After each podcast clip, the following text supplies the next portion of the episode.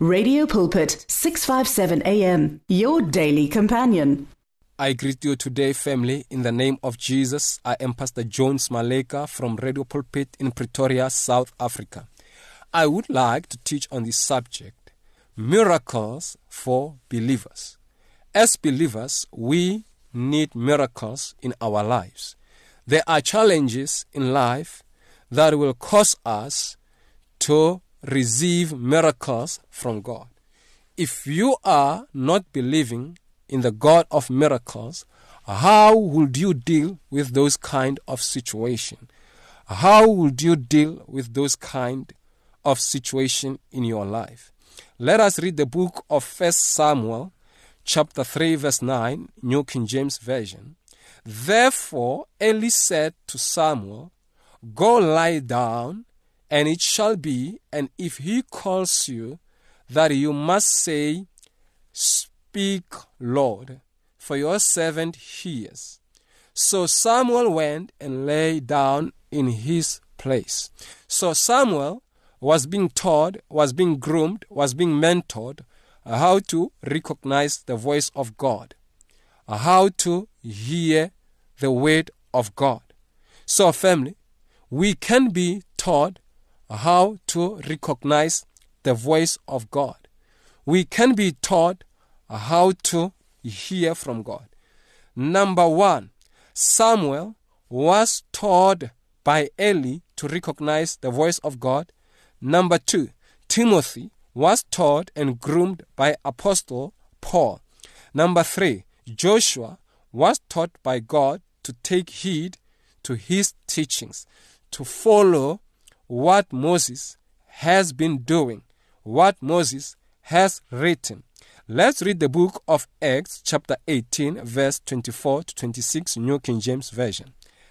Now, a certain Jew named Apollos, born at Alexandria, an eloquent man, mighty in the scripture, came to Ephesus.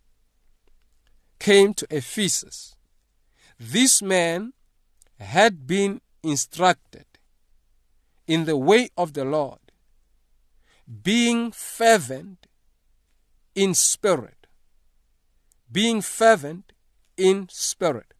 He spoke and taught accurately the things of the Lord, though he knew only the baptism of John. This man though he knew only the baptism of John. Verse 26. So he began to speak boldly in the synagogue. When Aquila and Priscilla heard him, they took him aside and explained to him the way of God more accurately. So Apollos was corrected by Priscilla and Aquila to teach a sound doctrine. It is important, family, for us to have mentors. It is important for us to have people who will teach us the word of God, who will go with us in this journey, teaching us the word of God. Some people, family, some people have to unlearn before they can learn. In other words, you have to learn, you have to unlearn before you can learn something. If you don't have the spirit to learn, how can you listen to other people speaking, other ministers teaching? How can you read their books if you don't have attitude or the Spirit to learn. Kenneth E. Hagin said that when he wanted to see the results of the word of the Lord, miracles, signs, and wonders, he had to change what he was used to preach. What he was used to preach, but started to preach the word of God in line started to teach the word in line with what he believed God for.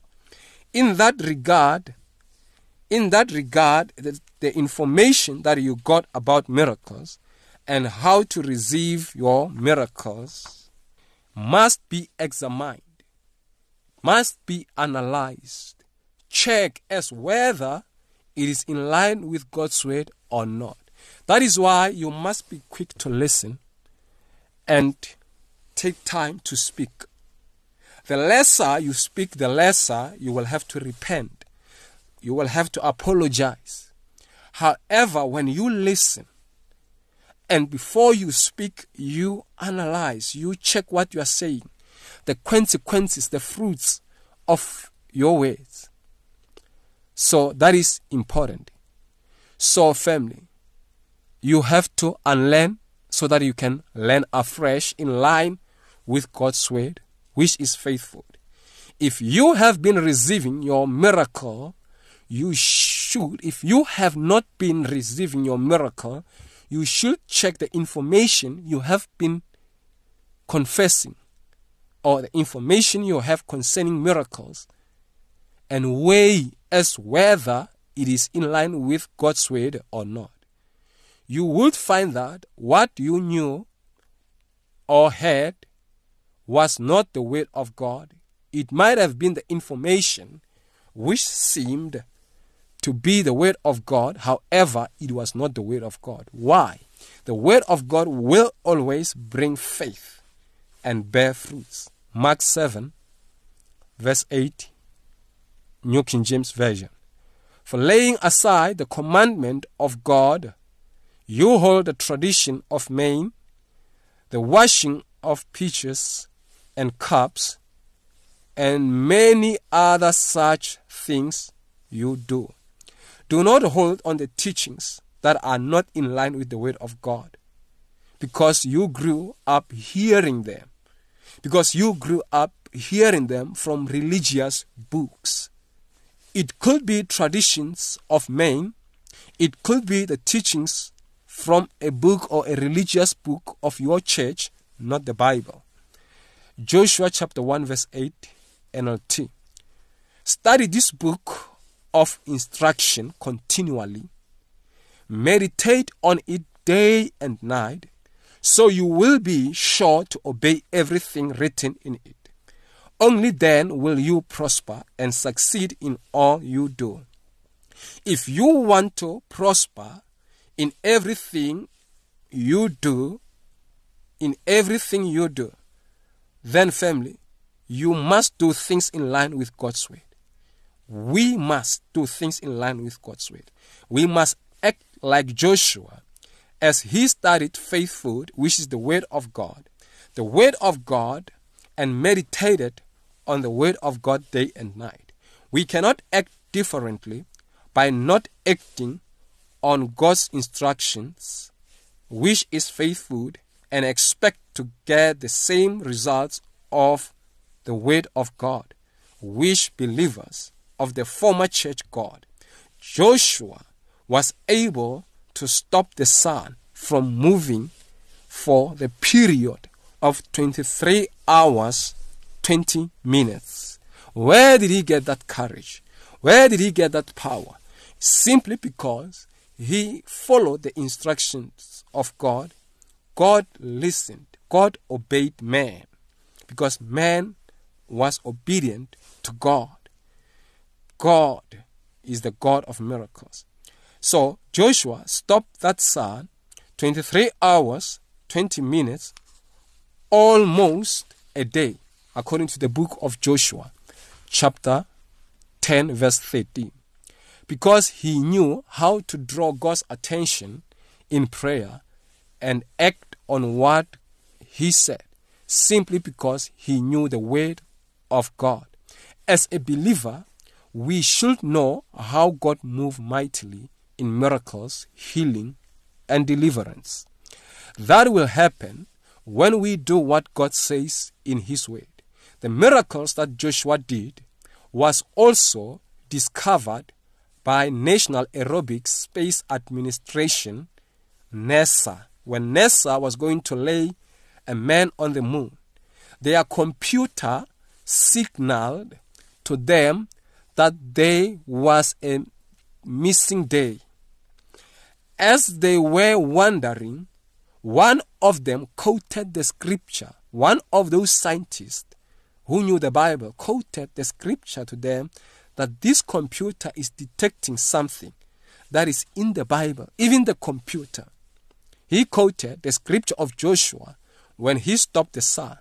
Scientists wondered if Joshua stopped the sun for the whole day, which was 23 hours 20 minutes. They obviously wanted to know what happened about 40 minutes to make the full day that is missing even today. And was said, it was said that it was missed because of Joshua. If you Google that, NASA discovering a missing day, it is recorded. It is recorded. It is there on the internet. God's word is an absolute truth. In other words, the miracle Joshua performed, computer de- detected that this happened, that there is a missing day. While the scientists were wondering, they were given this scripture. I wanted to know what happened with 40 minutes. Let us hear what happened with 40 minutes that was added to the time that Joshua stopped the sun. Isaiah 38, verse 8 NLT. I will cause the sun's shadow to move 10 steps backward on the sundial of Ahaz. So the shadow on the sundial moved backward 10 steps. Scientists prove that 10 degrees is exactly equivalent to 40 minutes, which added to 23 hours 20 minutes, which is the time during which the sun was stopped by Joshua. The shadow of the sun was moved backwards by 10 degrees by God as Hezekiah prayed to God after he was told by the prophet, Prophet Isaiah, that he will die. As God told him, Hezekiah prayed to God for a miracle so that he would live for more years. When we act on God's word as believers, God will perform his word by doing miracles that cannot be refuted, even by scientists even by atheists. So, family, let us be prayerful. Let us be men and women who believe in miracles. Miracles are not over, miracles will never be over. So, we are on, as long as we are on this earth, God will keep on doing miracles. Heaven and the earth shall pass away, but his word will remain. Acts 16, verse 25, New King James Version. At midnight, Paul and Silas prayed and sang praises unto God, and the prisoners heard them. Every believer will need a miracle or deliverance in his or her life. Deliverance is not only for unbelievers, family. Apostle Paul wrote over 70% of the New Testament, set free a slave girl who was possessed, and for that he was locked up in prison. So, family, we need miracles in our lives. The master of the slaves said to the magistrate of Romans that Paul's teachings, which is the word of God, was permitted was not permitted for Romans. There are going to be certain challenges that will come your way and you would need God's intervention. You would need miracle. You would need God to come as a way of a miracle, healing or deliverance Doctors will tell you stuff. You would need God's divine healing. Paul believed in the God of miracles, and he was used by God mightily in miracles, healings, deliverance. And there came a time where he needed a miracle for himself because he was bound in prison.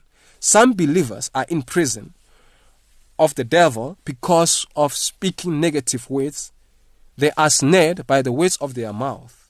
Some are in physical prison, just like Paul and Silas were, because of the attack of the devil.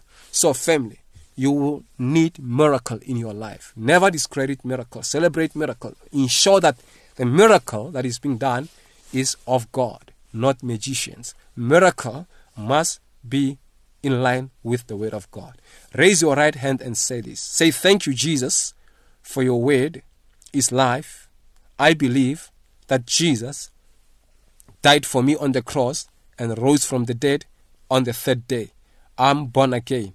I'm your child. My name is written in the book of life. Holy Spirit, fill me continually and guide me in this journey. Congratulations, family. You are saved. Amen. The words of the Lord are words of life. Your heart is on 657 AM. 657 AM. Radio for believers in action.